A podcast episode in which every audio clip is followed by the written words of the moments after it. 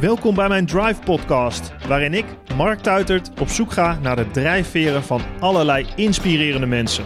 Van atleten, ondernemers, wetenschappers tot artiesten. Hij is misschien wel de beste scheidsrechter ter wereld. En net met pensioen. Bjorn Kuipers. We praten over het belang van duidelijke communicatie en natuurlijk teamwork. Bjorn was een van de eerste scheidsrechters die echt aan een team bouwde. Maar wat zoekt hij in zijn team? Plus, wat zijn de overeenkomsten met ondernemen? Duidelijk, scherp en slim. Ik zou zeggen, luister naar en leer van Bjorn Kuipers.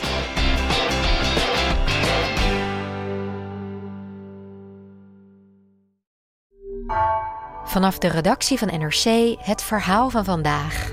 Mijn naam is Gabriella Ader. Onze dagelijkse podcast NRC Vandaag bestaat vijf jaar. Elke werkdag praten we je in 20 minuten bij over het verhaal van de dag. En vanaf nu kun je ons ook in het weekend horen met iets nieuws. Elke zaterdag brengen we een extra bijzonder audioverhaal. Luister NRC Vandaag nu iedere dag in je favoriete podcast-app. Dit programma wordt mede mogelijk gemaakt door Odido, partner van Team NL. Voor je aan de podcast begint wil ik je kort wat vertellen over mijn nieuwe boek Drive, train je stoïcijnse mindset. Tijdens mijn carrière, maar nu ook als ondernemer en vader, heb ik veel gehad aan de principes van de stoïcijnse filosofie. De stoïcijnse mindset heeft voor mij het verschil gemaakt om succesvol te zijn. Overigens zijn het veel principes die ik herken bij de sporters, coaches en high performers die ik voor mijn podcast spreek. In Drive leg ik uit hoe ook jij een stoïcijnse mindset kan trainen. Het zijn 10 praktische levenslessen en trainingen die je helpen om met de juiste mentale balans het beste uit jezelf te halen, zodat je zowel scherp als relaxed door het leven kan gaan. Met de stoïcijnse mindset kun je richting geven aan je leven, actie ondernemen en accepteren waar je geen invloed op hebt. Deze mindset werd al millennia geleden toegepast in alle lagen van de bevolking. En nog steeds is deze mindset essentieel om mentaal sterker te worden. Bestel jouw exemplaar van Drive Train je Stoïcijnse Mindset op marktuitert.nl slash drive of via jouw lokale boekhandel.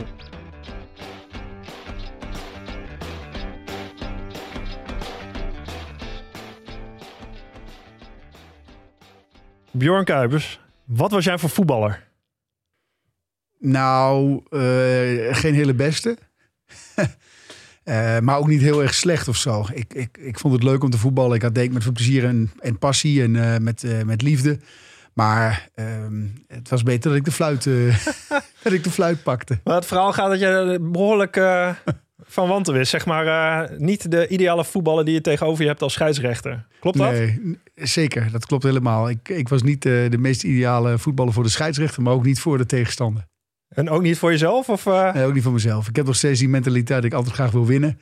En dat is toch prima als voetballer? Ja, maar als ik merk dat, uh, dat het niet helemaal lekker loopt... of de scheidsrechter nam een verkeerde beslissing... of mijn team, uh, uh, mijn team deed niet zoals ik dacht dat het zou moeten gaan... dan kon ik wel een vervelende kerel zijn, ja. Mannetje. Ja, mannetje. Oh, mooi.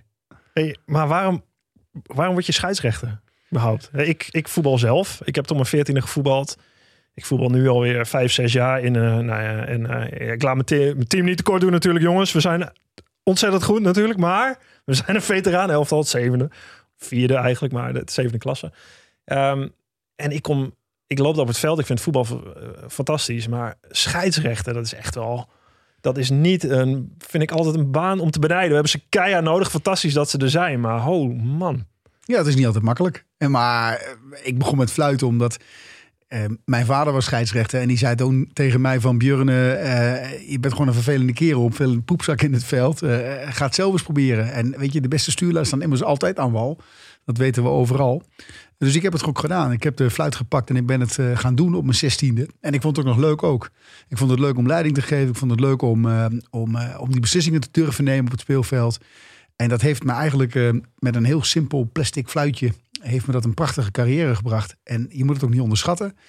Um, uh, fluit is soms lastig, maar het is ook zo ontzettend gaaf. Wat? Wat is daar gaaf aan? Ja, gewoon die wedstrijd leiden. En daarnaast krijg je natuurlijk, afgezien de spanning die je na zo'n wedstrijd of je nou een jeugdwedstrijd fluit of een, of, een, of, een, of een wedstrijd in de senioren... of je fluit een wedstrijd in de eerste divisie of in de eredivisie. En dat is maar voor weinigen weggelegd. Of je mag zelfs naar de Champions League of EK's, WK's. Iedereen heeft zijn eigen niveau en iedereen voelt zijn eigen spanning. En voor een scheidsrechter is het gewoon spannend om wedstrijden te leiden. En die spanning is, is gezond, hè? dat is leuk om iets naar uit te kijken. En als je dan zo'n wedstrijd goed hebt gefloten en je krijgt dan een keer een compliment... Ehm, van een zijlijn of van spelers of van voetballers, eh, weet je, die, uh, die uh, op, de klop, op de borst kloppen van, hè, dat heb je goed gedaan. Als die jeugdscheidsrechter dat toegespeeld krijgt, dat maakt dat misschien zijn zaterdag wel goed. Of misschien wel zijn zondag dat hij fluit. Want complimenten krijgen is gewoon leuk. Is dat ook iets dat je als voetballer, uh, weet je, als voetballer, voetballers proberen natuurlijk allemaal dingen. Nou, dat doen we op, op het allerhoogste niveau gebeurt dat ook. Uh, dat gebeurt denk ik in, op ieder voetbalveld. Scheidsrechter beïnvloeden, desnoods, uh, nee, je zult allerlei verwensingen naar je hoofd krijgen. Is dat dan ook zoiets dat je daar boven probeert te staan? Of dat je, dat je een, gerechtigheid of rechtvaardigheid naar het veld probeert te brengen? Dat kan ik me enigszins voorstellen dat je denkt, oké, ik, ik laat als ik complimenten krijg, dan is dat omdat ook al zijn ze niet met me eens, dat ze toch nog respect voor me hebben omdat ik de call maak of de beslissing maak. Ja, zo zou het dan moeten zijn. Ik bedoel, en wij nemen heel veel beslissingen in zo'n speelveld. Hè. Wij nemen onbewust en bewuste beslissingen, onderbuikgevoel, dingen die we zien, die, die, eh, die we niet hebben waargenomen en eh, waar we niet voor kunnen fluiten. Maar het allerbelangrijkste volgens mij is dat de jonge scheidsrechters hè, die in de jeugd gaan fluiten en überhaupt erover na gaan denken om die fluit te mhm. pakken, hè, dat ze het leuk gaan vinden en dat ze met plezier gaan doen. En dat als je allemaal teams hebt met mensen die, eh, die, die, die van alles naar je hoofd slingeren. Ja, en dat is nog net het probleem. Want we laten het allemaal maar toe. Of ouders. Ja, of ouders. Ik bedoel aan de zijlijn die het allemaal beter weten. Nog nooit met een fluit in de mond hebben gestaan. En alleen maar wijzen naar anderen. Maar wat doe jij dan? Wat deed jij dan? Als, als toen je scheidt, dat heb je ook Zeker heb ik meegemaakt? meegemaakt. Zeker. Uh, uh, ik probeerde dat eerst wel verbaal op te lossen. Ik was verbaal natuurlijk wel aardig sterk. Wat zei je dan? Ja, weet je dat ze ja, of, uh, of opdonderen of uh, weet je, als je het allemaal beter kunt, neem jij mijn fluit, ga ik ballen. Ik bedoel, kan ook een balletje trappen. Dan gaat het dan zelf eens doen. Oh nee, laat dat maar aan, uh, aan jou over. Nou, ik heb ook wel eens een assistent scheidsrechter die uh, probeerde punten te pakken voor zijn eigen clubje. Nou, ik zeg, steek die vlag maar in de grond, want ik heb, ik, ik heb meer, weet je, aan het feit dat jij er niet staat dan dat je er wel staat. Je zorgt alleen maar voor, voor last en je moet gewoon als scheidsrechter ook durven te praten. En uh, durven te vertellen wat je daadwerkelijk vindt. Wel op een normale manier, respectvol naar elkaar. En als je dat kunt, dan ben je volgens mij heel wat stappen verder. En vergeet niet, hè, Mark, vergeet niet dat als je scheidsrechter bent en je durft beslissingen te nemen en je staat in zo'n speelveld en dan niet dat je in een stadion staat met 80.000 man of dat er een half miljoen kijkers met je meekijken, maar gewoon in een, in een, in een wedstrijdje bij de jeugd uh, op zo'n speelveldje op zaterdagmorgen, ook dat is voor de jongens spannend. En als dat een beetje druk op komt hè, vanuit uh, nou ja, de A-jeugd, de B-jeugd, eh, jongens onder 15, onder 16 die toch al graag willen winnen, dan komt de druk op die scheidsrechter en dan neem je allemaal mee in je rugzakje om later wat beslissingen te durven nemen in het latere leven. Dus het geeft heel veel um, plezier. En ook heel veel houvast en richting. Wat je zegt, het, is, het, leert je, het bereidt het je voor op de rest van je leven. 100 procent. Zeker. Ik bedoel, weet je, leiding geven, eh, manager zijn, onder druk komen te staan, ehm, eh, voelen dat mensen het niet met je eens zijn, dus omgaan met kritiek, maak je als persoon ook gewoon sterker. Want jij bent ondernemer, je hebt uh, supermarkten en je hebt, je hebt dat, uh, dat is een familiebedrijf. Je opa, je, je vader, uh, nu jij. Ja. Um, hoe neem je dat? Maar het is, het is wel grappig eigenlijk, want ik heb een interview gelezen, het een mooi interview ergens met, met jouw vader ook. Dat die, die zegt ja, dat was werken, werken, werken. Natuurlijk ondernemen, keihard werken, en, iets opbouwen. En ja, dat zit volgens mij één quote was er ja, wat, wat de overeenkomst was met jouw vader. En dat was gedrevenheid. Zeg maar, ja, dat was jouw, je eigen woorden waren volgens mij. Gedrevenheid is wel, mij wel met de paplepel ingegoten. Nou, mijn podcast heet Drive. Dit gaat over gedrevenheid. Wat is dat? Ja, weet je, wij, ik kom natuurlijk uit een familiebedrijf, eh, meer dan 80 jaar oud. Eh, mijn opa had een klein supermarktje. Mijn vader heeft dat supermarktje voortgezet en wat groter gemaakt. We hebben het samen nog groter gemaakt. En samen eh, met mijn vrouw hebben we zeg maar nog meer succes toegevoegd. De basis van dat succes ligt in gewoon doen de basis van het succes ligt dat je niet zo heel veel moet uh, uh, strategisch moet denken en beleidsmatig moet denken. En dat je gewoon het uit je handen moet laten komen. En als je ehm, gewoon doet en niet bang bent om zeg maar bepaalde beslissingen te nemen, om gewoon hard te werken, s'morgens vroeg opstaan, s'avonds laat naar bed, uh, omdat je met één ding bezig bent, dat is met jouw vak. En zo ben ik wel opgevoed, ja. En niet lullen. Hoe dan? Wat, wat, wat, wat kreeg je mee van thuis? dat er alleen maar gewerkt werd. Mijn vader eh, heeft alleen maar gewerkt. Dus die heeft eigenlijk veel te weinig geleefd in zijn periode dat hij moest werken. Hè. Dat was natuurlijk een hele andere tijd. Hè. Heeft hij jou zien voetballen of heeft hij jou... Te weinig. Te weinig. Ik bedoel, dat moment dat hij tegen mij zei... eh, weet je, Kuipers, eh, eh, ga zelf eens fluiten. Dat was een van de weinige momenten dat hij mij heeft gezien als, als voetballer. En dat, dat harde werken, dat, dat, dat heb jij ook geërfd eigenlijk. Of dat is... Maar dat heb ik zeker geërfd. En dat is ook mijn, misschien wel... dat is ook misschien wel een beetje mijn tekortkoming. Hè, dat ik altijd... eh, Is dat een tekortkoming? Ja, vind ik. eh, In principe, nee, tekortkoming is misschien niet het goede woord, Mark. Maar ik vind wel dat ik mij zou moeten kunnen realiseren dat ehm, er ook een dag is dat ik even niks doe. En die dagen zijn maar heel weinig eh, in mijn agenda. Ja, want jij, jij eh, spreekt voor, voor zalen, voor, voor grote... eh, Dat, dat, dat kost tijd, dat kost inspanning. Ik weet, ik weet hoe dat voelt. Eh, je bent scheidsrechter. Nou, hoeveel dagen per jaar ben je dat eigenlijk?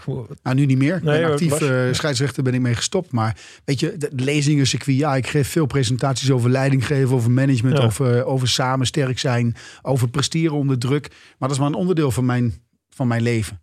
Ehm, Nee, je bent nog vader, je hebt een onderneming en je bent nog... Ja, je, nu niet meer, maar je was scheidsrechter. Dus het Ja, dus er was zoveel. En ik, ik verveelde me ook echt nooit. Maar dat was Nee. misschien ook wel de sterke kant van mijn verhaal. Ik had altijd afleiding. Ja. Dus als jij eh, een keer een, een, een slechte wedstrijd had gefloten... en je was niet sterk genoeg en je hebt er veel kritiek over gehad... ja, dan was het heel even vervelend. Ja. Maar dan gaat het over mentale fitheid. Dan moet je weer klaarstaan voor die volgende wedstrijd. Maar ik had zoveel afleiding dat ik er weer met andere dingen bezig was. Ja, dus, dat ook echt ondernemen. En dan denk ik, oké, ik heb verschillende opties. Ik kan dit doen, dat doen, dat doen. Je wil waarschijnlijk ook alles nog goed doen. Kan ik me voorstellen. Ja, met name. Met name dat laatste. Ik heb wel een, eh, een, een, een drive om te willen winnen. Ik ben wel iets meer ehm getemperd daarin. Ja. Iets meer, Door? nou, door, ook door het leven. Ik ben, ik ben 48 jaar. Ehm, ik heb de afgelopen 20 jaar natuurlijk eh, zeer ehm, efficiënt en hard gewerkt eh, met mijn familie. Ehm, en, en ja, Zeg ze wel eens papa, waar is papa? ja hoor. Thuis? Ja, maar ja, ik kreeg afgelopen zondag wel een leuk compliment. Het was eh, sinds weken, jaren misschien wel, dat ik echt eens even aan de keukentafel zat na het ontbijt. En we waren naar de tennis, eh, eh, tenniswedstrijd geweest van mijn zoontje, die is 11. En we waren terug en hij had gewonnen. En nou, daar was hij helemaal trots op. was de eerste wedstrijd die hij had gewonnen. Maar ja, toen, toen waren we een uurtje later waren we in gesprek over van allerlei andere dingen. En toen zat hij zo een beetje onderuit gezakt en zei hij... Papa, wat hebben we eigenlijk een superleuk gesprek zeg. Ik vind het gewoon echt heel erg leuk om over allerlei dingen met je te praten. En nou Wat ja, vond, vond ik een mooi compliment. oud is die? 11. Ja, en, en weet je, en dat bedoel ik misschien een beetje met tekortkoming. Eh, je bent als ondernemer, wil je graag zoveel goeds doen voor je mensen. En Ja. we hebben natuurlijk veel medewerkers, Hoeveel? Eh 300 of zo, iets meer. Ja, zo. En, en, en daar wil je alles goed voor doen. Je wil alles goed doen voor uiteindelijk de belangrijkste persoon in, in, in, in die supermarkt, dus die klant. Dus je bent altijd gedreven om maximaal te geven ehm, wat je in huis hebt. En zo ben ik eigenlijk een beetje opgevoed. Maar dit zijn wel allemaal recepten. Ik herken het heel erg. Hè? Ook vaderschap. Ik heb ook een bedrijf, eh, onderneming, eh, speeches ook. eh, nou, boek erbij. Ehm, is het... Heel veel mensen zouden denken, oké, heel veel mensen willen heel veel dingen ook wel doen en goed doen. Maar hoe, hoe combineer je dat? Hoe hou je die balans? Hoe, hoe krijg je dat voor elkaar om dat op een goed niveau te doen? Of, of laat je ergens steken vallen? Nee, ik laat niet zoveel steken vallen. Hoe krijg je die, hoe krijg je die dingen samen? Ja, eigenlijk wat ik al zei, hè, gewoon doen. Een dag Mhm. heeft 24 uur. Eh, Daarvan Ja, slaap maar jij kan niet lang niet overal bij zijn. Dat hoeft ook niet. Nee, maar eh, je moet ook niet denken dat ik het alleen doe. Hè. Ik bedoel, Mhm. ik zei net, we hebben 300 mensen, daar ben ik super trots op. Maar ik zoek wel de juiste mensen om ons heen. Ik bedoel, als je kijkt naar Team Kuipers op het veld. Ja. En je kijkt met name naar de laatste, mm, eh, zeg maar, 10 jaar of zo. Dat we de Supercup mochten doen, dat we EK's floten en WK's. En ik ben pas een goede scheidsrechter geworden. Op het moment dat ik echt gebruik kon maken van mijn, van mijn assistenten. Wat voor scheidsrechter was je daarvoor dan? Eh, wat onzeker.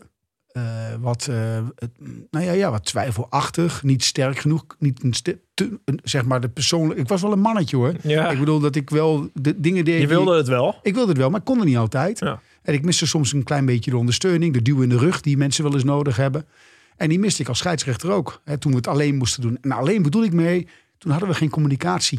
Waar hebben we het daar nu over? Welk, was je al hoogste niveau aan het scheidsrechten? Ja, ik was een twee. Ja, ja ik, zeker, ik zat zeker in de eredivisie. Ja. Maar de echte stappen heb ik echt gemaakt vanaf 2008, 2009. Dus Wanneer? Wat, wat is de, het punt geweest waar dat je dacht, hey, dat we, dat we een communicatieset kregen. Ja, En dat ik zocht naar de juiste mensen met wie ik kon samenwerken. Dat we niet, eh, dat ik, ik zocht mensen die niet alleen maar ja en amen zeiden tegen mij. eh, Ja-knikkers. Ik zocht mensen die complementair aan mij waren. Die aanvullend waren. Die tegen me zeggen: Kuipers, je moet nu op die, op die fluit blazen. Was een 100% strafschop. En dat ik die ook blindelings kon vertrouwen. Of dat ik naar jou keek en achter mijn rug gebeurde een rode kaart. En iemand zegt: Hij moet eraf.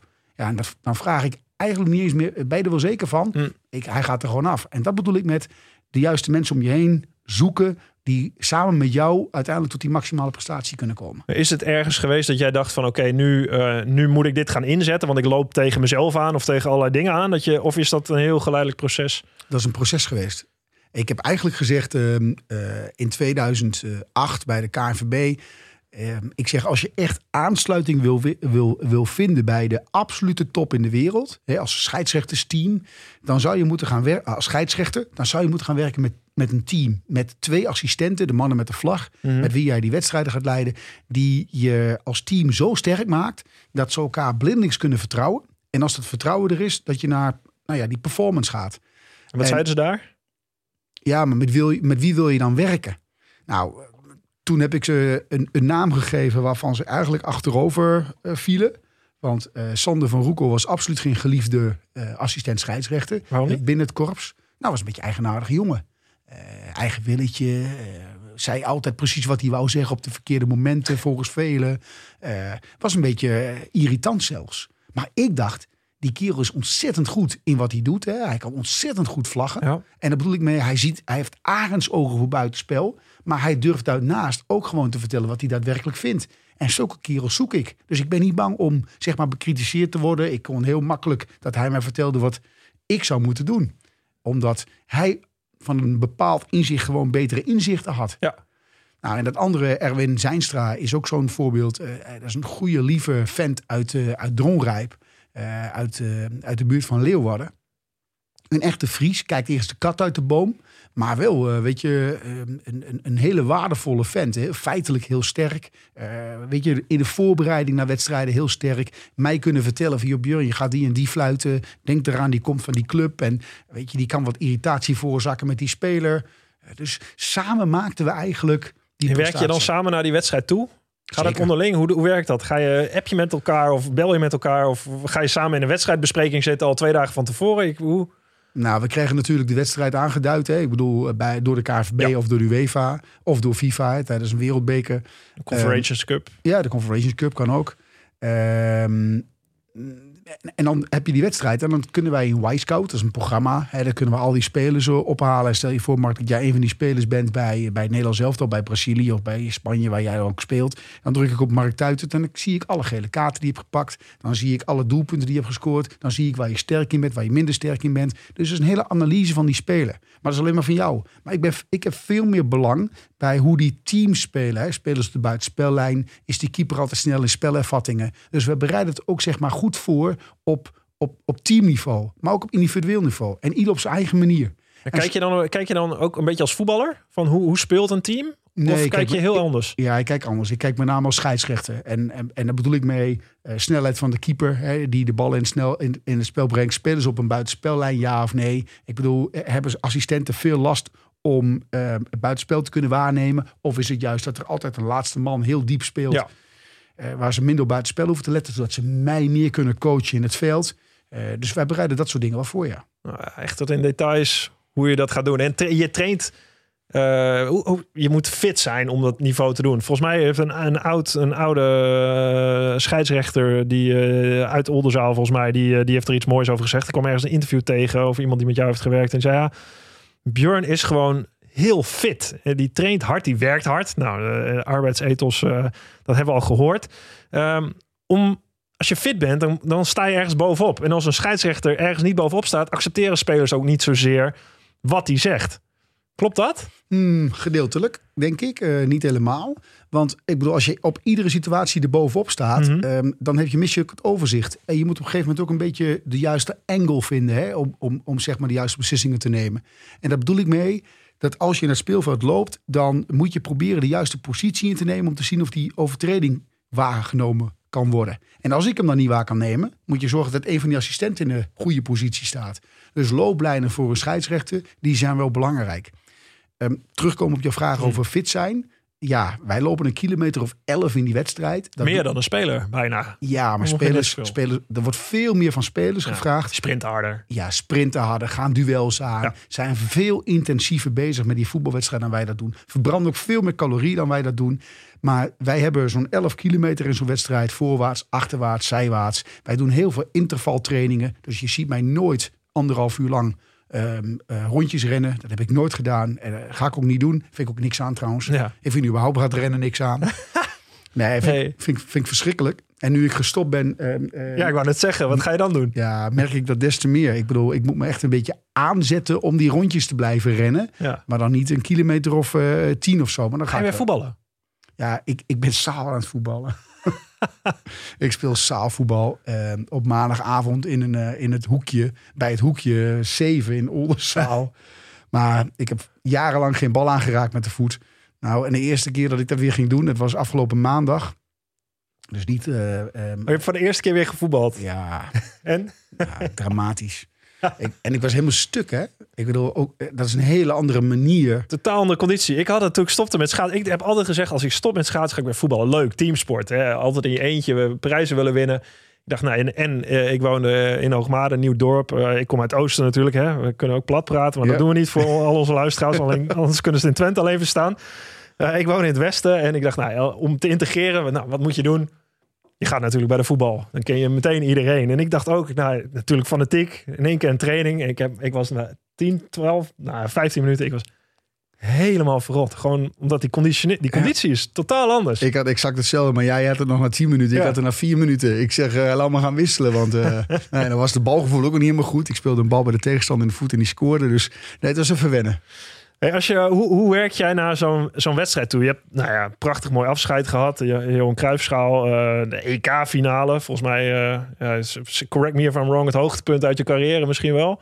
Ja, één van de... Ja. Ja. Ja. je hebt fantastisch heel veel mooie wedstrijden gehad natuurlijk. Maar hoe, hoe werk je naar zo'n toernooi toe? Naar, ehm, ga je op trainingskamp? Ga met, met, met, met je team? Ja, dat is heel anders ehm, in de afgelopen jaren geworden. Toen ik voor het eerst naar het, naar het EK ging, naar een toernooi ging. eh, dan praten we over 2012. eh, bijna tien jaar geleden, het eerste EK wat ik ging doen. Had ik een, daar gingen wij een trainingskamp beleggen. En toen we het voor het eerst naar het wereldkampioenschap gingen in 2014 in Brazilië. Ja. ging ik met mijn team naar Turkije om ons voor te bereiden. Eh, weet je, zoveel zin en spanning en zo zat erin. Eigenlijk net als het Nederlands elftal. We gaan eerst op trainingskamp. Ja. Voor, ja. Maar als ik nu zie, en dat heeft ook misschien ook een beetje te maken met corona. Maar laten we, laten we teruggaan naar 2018, Hmm. dat wereldkampioenschap in Rusland. Ja, ik ben niet op een trainingskamp gegaan. Wij wisten exact wat er van ons verwacht zou worden op dat wereldkampioenschap. We wisten hoe we ons gingen, eh, hoe we ons gingen gedragen als we op dat WK zijn. We wisten hoe de trainingen in elkaar zaten. Dus alles wat de eerste keer is, is altijd wat meer spannend. En ook op een andere manier voorbereid. Dus op een gegeven moment ben je wel ervaren genoeg om te weten wat er van je gevraagd wordt. Mhm. Maar één ding was voor mij veel belangrijker in dat hele verhaal richting zo'n EK of een Mhm. WK, is dat je fit arriveert. Het EK en WK is altijd aan het einde van het seizoen. Ja. En dan heb je al een heel seizoen, zeg maar. Hoeveel ja, wedstrijden fluit je in de week? nou, één Eén? in de week. En als Ja. je Champions League hebt, doe je er twee in de week. Dan doe je er eentje in de Champions League en eentje in, in, in Nederland. Maar eh, dan heb je nog een trainingsbestand. Dus wat je moet doen, is zo fit mogelijk arriveren op dat EK of het WK. En dat was, is volgens mij het allerbelangrijkste. Dus je basisfitheid op orde houden. En met een mental fitness, dus je mentaliteit, eh, zo instellen dat je wil vlammen op dat EK. Ja, maar dat vergt ook een soort ontspannenheid, toch? Je, je, want je staat onder grote druk. Hoe ga je met die, die, de, de, de, de, nieuw, de scheidsrechterscommissie kijkt mee. Heel Nederland, wat? De hele wereld kijkt mee. Iedereen heeft wel iets aan te merken op een scheidsrechter op een week. Hoe was dat eerste WK voor jou? Nou, dat was was eigenlijk- Ja, dat was wereldkampioenschap in, in, in, Brazilië. Ah, Ja, weet je, ik heb daar een enorme dreun gehad. Eh, ja, dat klinkt misschien een beetje raar, want het was een heel succesvol WK voor ons. Wij floten de Champions League finale net voorafgaand aan het wereldkampioenschap in Brazilië. Ja. En toen wij Help even, welke was dat? Eh, Welke, Real Madrid tegen Ja, Atletico, Atletico Madrid. Real, ja. ja. Twee teams uit één stad. Die vechten voor de cup met de grote oren. Atletico, vechtersploeg, Ja, tegen Real Madrid. Nou, sterren. 12 gele kaarten, trainer Simeone weggestuurd. Dus er gebeurde van alles in die wedstrijd. Maar die wedstrijd hadden wij volledig onder controle. En het was echt een super gave wedstrijd voor ons als team. Ehm, om die te mogen leiden. En ook na afloop waren we gewoon heel blij met onze prestatie. Ja, wat is dan die blijdschap? Is dat die controle? Dat je denkt, we hebben geen fouten gemaakt? Of... Ja, die controle, maar ook alle complimenten. Ik bedoel, ik heb een hele grote plaat thuis hangen. Dat vond ik echt super gaaf. Waarop, de, waarop uh, allerlei, uh, die kreeg ik als cadeau. Waarop allerlei krantenkoppen waren aangeduid van, weet je, Kuipers, fantastisch uh, gedaan. weet je, alle krantenkoppen die zeg maar uit de wereld kwamen. Ja, want het is wel gek natuurlijk. Want ja, je zegt je wil winnen. Hè? Nou, de instelling, alles heb je daarvoor. Alleen als sporter is het natuurlijk makkelijk. Je, hebt, je wint de wedstrijd of niet. Je, ja. je hebt een, gewoon een, een, moment waarop je afgerekend wordt en dat is heel objectief. Ja, je wordt afgerekend door hoe, hoe, je, hoe je die wedstrijd hebt geleid, hoe je ja, hem hoe, hebt gemanaged. Ja, hoe win je als scheidsrechter? Nou, dat, je, um, dat iedereen zegt dat heeft hij goed gedaan. Uh, weet je, dat mensen blij zijn hè, dat, je, dat je die wedstrijd een goed eind hebt gebracht. En we maken fouten. We maken, wel, um, we maken veel fouten in een wedstrijd. Maar als je iedere week cruciale fouten maken, ja, dan word je keihard afgerekend. Ja. En we hebben gelukkig dat we de VAR hebben. En dat we af en toe nog gecorrigeerd ja. kunnen worden. Moet je niet te vaak hebben. Maar... En wat als jij echt een fout maakt? Ga je dan door de grond? Nou, de eerste keer dat ik zeg maar gecorrigeerd werd door de VAR... dat was een penalty moment op het wereldkampioenschap voetbal in 2018 met Neymar. Dat was de wedstrijd Brazilië-Costa Rica. Ja. En ik gaf een penalty. En die penalty was niet correct. En Danny drukt op de knop. Mijn vier jaar uh, video assistant referee. Die drukt op de knop en zei: Björn, weet je, ik denk niet dat je gesupport wordt voor deze simpele penalty. Kom even kijken. Kun je nog een keer een kans in krijgen? En ik liep naar, het, ik liep naar de zijkant. En ik zag het moment. En ik zei: ja, dat vind ik helemaal niks. Ik bedoel, dit is geen penalty. En ik corrigeerde de penalty in een dropball. En ik ga weer in positie. Maar daar heb ik echt veel last van gehad. Twee minuten lang vijf minuten lang. Toen was die wedstrijd ten einde. Toen dacht ik, nou, Kuipers, dit was het dan. Hè? Dit was het wereldkampioenschap Ja. voor jou. Want je maakt een cruciale fout Ja. die hersteld wordt. En dan zie je eigenlijk een reactie van, nou ja, ook van FIFA. Want Colina belde mij gelijk na die wedstrijd. was de eerste VAR-ingreep. Eh, VAR-ingreep. En die zei eigenlijk toen, ja, Kuipers, fantastisch gedaan. We zijn super blij met hoe je hebt gefloten. Een goede, goede correctie. En in een live speed leek het ook een penalty. Maar in herhaling heb je je goed hersteld. Dit is waarom de VAR in voetbal is gekomen. Dus ik zou zeggen, maak je klaar voor de volgende wedstrijd. En dat was voor mij echt een eye-opener. En dat was ook helemaal totaal nieuw. Zijn Neymar daarna nog iets naar, tegen je? Nou, nee, Was- nee, nee, nee. We hebben daar niet. We hebben daar nou nog vele malen met elkaar natuurlijk wel Ja. wedstrijden gehad. Ja, is niet, geen, geen, geen eh, leuk mannetje lijkt me om. Ja, maar Nijmar en ik hebben. waren op het WK 2018 niet elkaars beste vrienden. Nee. Hij heeft natuurlijk nog wel een, eh, de neiging ertoe om uit te dagen en een, een, hop, een plotseling valpartijtje te veroorzaken. Zeg je dat eh, tegen zo'n jongen van tevoren? Zeg je ergens, hé, hey, Ja, dat zei ik tegen hem. En ik zei ook, want hij had een heel moeilijk... Hij, hij, hij speelde de eerste wedstrijd in 2018, speelde die Brazilië tegen Zwitserland. Hm. En door de Zwitsers werd hij hard aangepakt. Ehm, de ene keer correct, de andere keer wat minder ehm, correct. Ehm, maar ook waren er van die duikelmomenten bij van hem. Ja. En ik zei tegen hem voor de wedstrijd, eh, toen ben ik naar zijn kleedkamer gegaan, stond ik te wachten tot hij eruit kwam eh, bij Brazilië. En toen zei ik, als je je gewoon gedraagt en je gaat gewoon voetballen, dan neem ik jou in bescherming. Dus daarvoor ben ik er ook. Hè. Een scheidsrechter is er voor om die spelers in bescherming te nemen. Veiligheid. Hè, als, eh, als, als de tegenstander over de scheef gaat, moet je optreden. ja, Ik wat, zei- ja, Dus ik zei ook tegen hem, doe gewoon je ding en focus je niet te veel op mij. Maar ja, uiteindelijk eh, is dat niet gelukt. maar neem je, hem- denk je dan ook, beïnvloedt dat je, je, je denken en je fluiten dan ook? Dat je wel, je zegt, ik neem je in bescherming. Neem je hem dan ook daarna iets minder in bescherming? Nee, nee, nee, nee. ik neem niks minder in bescherming. Ik, ben zo, ik probeer zo objectief mogelijk te blijven. Maar En- je pakt ze er wel even uit van tevoren. Ja, omdat ik weet dat hij die, die druk ook voelt. Ja. Hij ziet ook dat hij is natuurlijk een sterrenspeler. Ja. Is een geweldige speler. Ja. En die tegenstander wil hem uit die wedstrijd halen. Dus hij verdient ook ehm, ehm, die bescherming die... Want jij deed nog iets bij het EK, bij de afgelopen finale. Bij eh, Cellini, dat was de halve finale. Volgens mij bij de, bij de TOS met Jordi Alba, dacht ik. eh, eh, loopt hij te grappen, een beetje schouderklopjes uit te delen. Haalt hij hem uit zijn concentratie. Jij loopt naar de TOS. Italië staat daar natuurlijk tegen Engeland.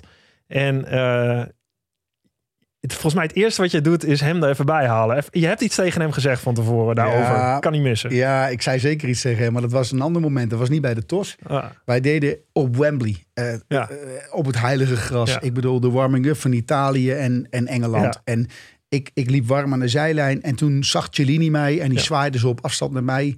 En ik, ik zwaaide op afstand zo van met een duim naar hem. Eh, van even een goede dagteken. En toen kwam hij ook naar mij toe lopen. Eh, dat was een afstand of 20, 25. En eh, toen gaf hij mij een high five. En toen zei hij, eh Keupers, ik ben ontzettend blij dat je vandaag de scheidsrechter bent. En we hebben er vol vertrouwen in. En ik wens je heel veel succes in deze wedstrijd. En, Oh, dat tactisch spelletje begint al. nou, ik weet niet of het tactisch is. Ik denk dat het ook een beetje een gemeende Hmm. Ja? situatie was. want hij is gewoon een super aardig kerel. Ja. Maar toen hij weg wilde gaan, zei ik tegen Cellini... Cellini, ik heb ook een boodschap voor jou. En de boodschap voor jou is een hele heldere. Dit is een Eurofinal. Die gaat tussen Engeland en Italië. Die kan me niet te vertellen. Maar ik wil maar één ding. Focus je alsjeblieft op je eigen spel. Zorg niet dat je gele en domme gele kaarten krijgt in je team. Van mobbing the referee. Dat je mij met allerlei wegwerpgebaren. Of dat je met ehm eh, dissent stomme gele kaarten krijgt. Niet alleen voor jou is deze boodschap. Maar voor je hele team. Nou ja, en dat zijn momenten dat je heel even met zo'n captain praat. Ja. We staan in de catacombe, komen ehm, moeten naar buiten, hè, daar Wembley op. Ja. En toen komt hij naar buiten en toen zei hij, Kuipers, Bjorn, I spoke with every single player. Don't worry. Oh, dat is het wat wij hebben gezien. Ja. Dat is denk ik wat je Ja, hebt gezien, ja. Maar dat zijn van die momenten die zijn goud waard. ja. En hetzelfde heb ik gedaan met Harry Kane. Hè. Ik bedoel, het Engelse team heb ik ook Aanvoerders bij elkaar. Ja. En wat heb je tegen hem gezegd? Nou, hetzelfde. Dezelfde, de- de- Hm. de- dezelfde strekking. Is het even connecten van, hey, ik, ik ben hier de, le- de leider in het veld. Eh doe, ga, gaan jullie lekker voetballen? Ik, eh I'll take care of the, re- the rest. Exact. Ja. En wees niet bang om aan te spreken. En dat bedoel ik Ja. ook met jonge scheidsrechters Ja. die zo'n zo'n voetbalveld eh, opstappen. En die denken, oh, kan misschien wel vandaag een moeilijke wedstrijd worden. Ja, sommige momenten zijn gewoon erg lastig. Dat ziet iedereen, dat voelt iedereen. Mhm. Maar wees dan gewoon overtuigd. Laat het ook zien. Praat. Je Wees moet- niet bang om te praten. Ja. Ja, mooi. Doe je dat eigenlijk in je bedrijf ook zo? Ja, dat doen we. eh, en ik denk ook dat het dat. eh, en sommigen vinden dat heel fijn, hè, die, die directheid en eh, praten om mensen het vertrouwen te geven. Hoe groot is je man- Ik neem aan dat je een managementteam hebt. Ja. Hoe Ja, groot dat is dat? varieert, dat, dat verschilt per winkel. Ja. Maar ehm, eh, Ben jij dan de leider in dat team? Nou, in principe is onze bedrijfsleider de leider in het team. Hè. Ik bedoel, die zou, maar die heeft soms ook eens een keer een beetje, Is de aanvoerder eigenlijk. ja, is de aanvoerder. En ik vind het ook leuk om sommige dingen naar me toe te trekken. Nou, vanochtend heb ik het managementteam overleg gehad om 12 uur was dat. Hebben we een broodje gegeten en dan drinken we iets. En dan vertel ik iets over hoe de eerste negen maanden van dit jaar zijn geweest. Ja. En dan vertel ik iets over omzet, over marges, over loonkosten, over hoe tevreden we zijn, eh, waar we staan, waar we kunnen verbeteren, hoe het gaat met de online business, hoe het gaat met de Bricks winkel, dus de, de daadwerkelijke winkel. En dat soort feedback geven is voor mensen ook fijn. Dus mensen moeten weten waarvoor ze iets doen. Ja. Doelen hebben. Ergens Ja. voor te gaan. Hm. En duidelijkheid. Hey, we gaan even terug weer naar, daar waren we, naar, naar eh, 2014. Naar, eh, of eh, so- ja, 2014 Brazilië.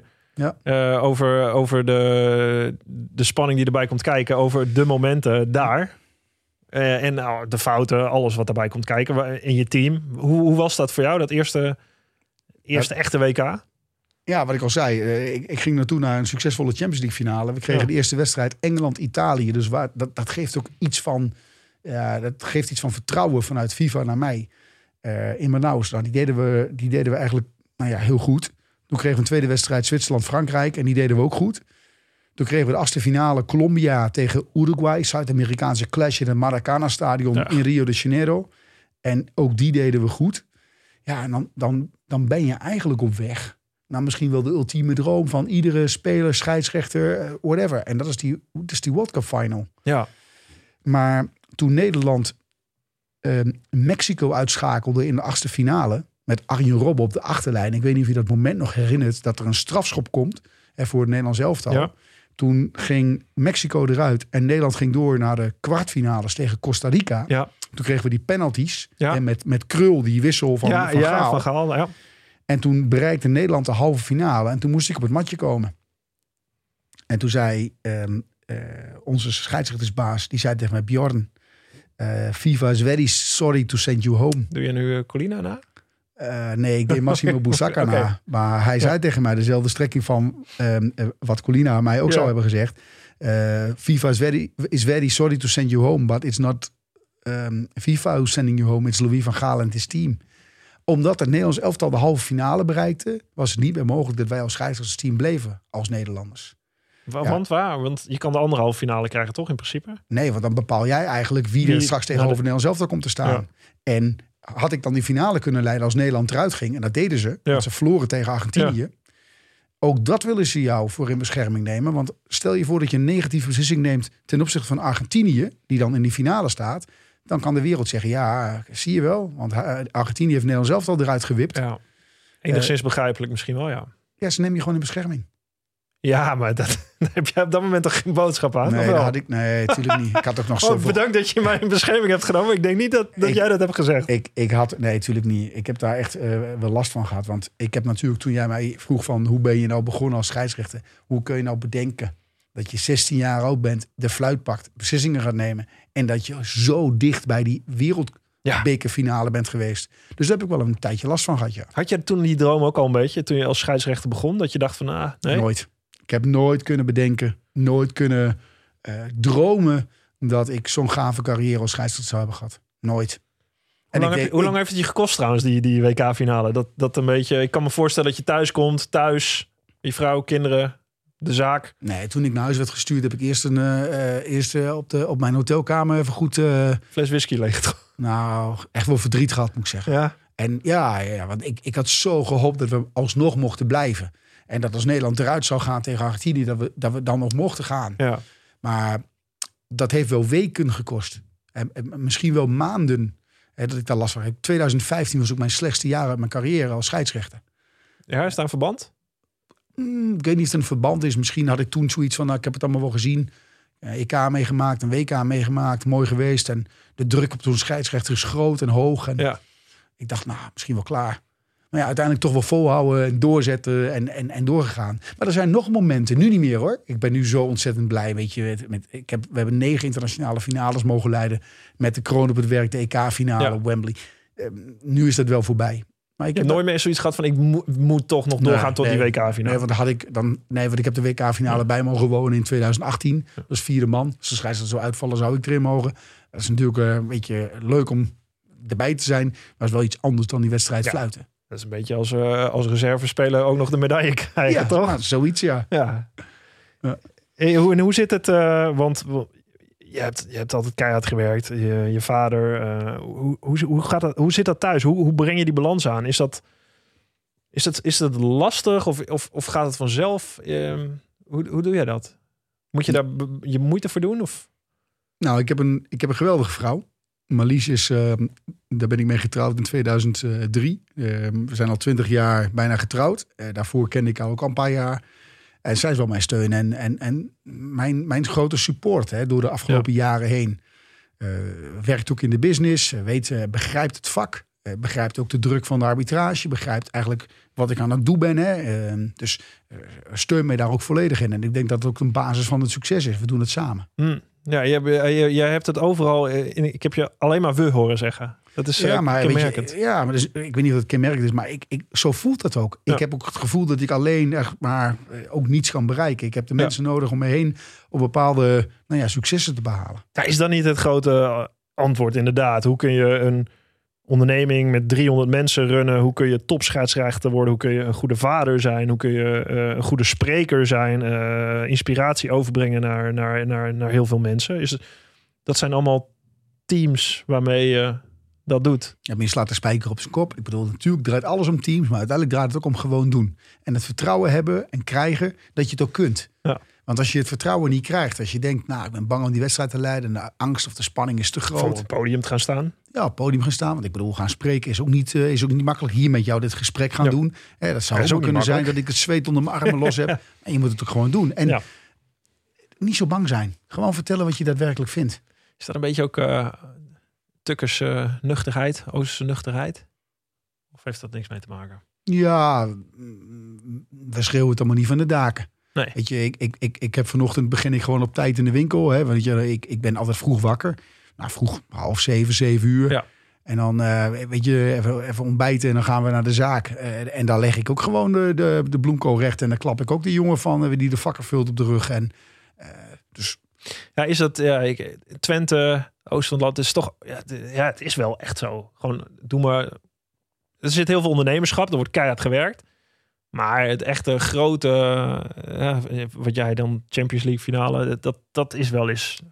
Het wordt gewaardeerd. Er is echt veel aandacht voor. Maar het is een stuk rustiger en kabbelender, toch? Ja, zeker. Eh, tuurlijk, mensen zeggen dan gewoon als ik in de winkel loop... Hey, mooi dan, jong. Mooi dan, Ja, zo dat, weet je. Ja. Of de, oh, ik ben trots op hoe, hey, goed dan. Maar, maar daar houdt het ook wel mee op. Ja. En eh, ik kom uit een klein plaatsje. Nou ja, niet klein. Oldenzaal is 32.000 inwoners. Ja. Als je dat vergelijkt met Amsterdam is het, is het relatief klein. Maar het, het is een prachtige stad. En mensen zijn wel gewoon trots. Hè? Ik bedoel, en, en die trotsheid Ja. moet, die mogen ze ook laten zien. En niet te trots op mij, maar ook trots zijn op Oldenzaal. Ja, is dat? Krijg je dat vaak terug? Zijn ze trots op jou, de mensen? Ja, die zijn wel trots, vind ik. Ik bedoel, eh, ik, ik, ik krijg wel veel, eh, weet je, als ik in de winkel loop. eh, en er zijn wel, ja, natuurlijk. Trots, eh, ja, dat vind ik wel. Wat doet dat met jou? Nou, vind ik leuk. Ik Ja. bedoel, trots zijn op iemand is toch ook leuk? Ja, ik ja, bedoel, het is hartstikke leuk. Ik, ik- begrijp het heel goed. ja, eh, ik bedoel, eh, jij bent toch, ze zijn toch ook trots op jou, op jouw prestaties die je hebt Ja, ik vind altijd grappig. Dan, oh, ik stond om twee uur s'nachts. Uh, de, lampen, de lampen gingen van de slaapkamermuur af. Want ik Ja. stond te juichen. En Ja, dat is denk ik ook wel wat we. Het is. Misschien beseffen we dat niet altijd. Nou, weet je, als eh, het voetbal dan soms tegen zit, zoals ook met het EK. Het is gewoon, eh, iedereen kijkt ook nog naar jou. Je bent ook, ja, het, zo zijn we ook wel weer, ook wel als Nederlanders natuurlijk. We, we juichen voor een Nederlander. Het is uniek. De eerste Nederlander in een, eh, in een grote EK-finale. Ja. Dat is toch. dat is het was gewoon super gaaf. Ja. Ja. alleen nu is het einde rit. Ja, einde rit. Nou, ik ben. Of niet? Ja, nee, het is einde rit. Het is 100% einde rit. Ik, je zult mij niet meer zien met een fluit op het veld. Ja, afgelopen zaterdag bij mij bij Kwik 20 in Oldenzaal. Dan fluit ik een wedstrijdje bij de jeugd. En ik was al vorige week, was ik, eh, hadden ze geen assistent scheidsrechter. En dan, En dan is- loop jij daar rond. ja, dit is wel leuk, want dat is een scheidsrechter van 16 jaar. En eh, die, floot, eh, die fluit dan onder 13. Mijn zoontje speelt in onder 13. En ze hadden geen assistent scheidsrechter. Ik zeg, nou, mij die vlaggen, maar dan ga ik vlaggen. Stond jij te vlaggen? Ja, tuurlijk. Ja, prachtig. Ja, maar dat vind ik wel leuk. Maar actief scheidsrechter zijn in de eredivisie, in Europa, op eindtoernooien. Ga je dat niet missen? Nee, ga ik niet De spanning, ergens naartoe werken. Want dat ga je dit eh, ondernemen, top, geweldig, eh, rustig, kabbelender leven. Dit is wel, dit zit alleen in topsport. Die echt dat piekmoment, de, dat moment waar alles moet kloppen, waar de hele wereld naar je kijkt. Ja, ga ik niet missen. Ik heb het allemaal gezien. Ik heb het allemaal mee mogen maken. En dan of ben het ik kan ook andersom, hè? Het kan ook dat je het misschien wel, misschien stiekem ook wel ernaar uitkijkt om dat niet te hebben in je leven. Nou, dat kabbelen, dat heb ik niet hoor. Ik bedoel, mijn agenda Ja. zit, zit prop en prop en prop Ja. vol. Ja, ik bedoel met kabbel ook niet inderdaad niet, het niet druk hebben, maar meer de, de, de piek emotie, de piek. Ja, maar ik heb nog zoveel uitdagingen, Mark. Ik bedoel, zakelijk gezien hebben we uitdagingen. En eh, Ja. ik bedoel, ik zal ook niet eh, stil blijven zitten in arbitrage. Ik zal natuurlijk ongetwijfeld een rol gaan vervullen. Ja, Ja, ja zeker. Eh, En dat lijkt me ook superleuk eh, om actief te blijven in, in het, in, op het vak, eh, eh, weet je, scheidsrechten. ja.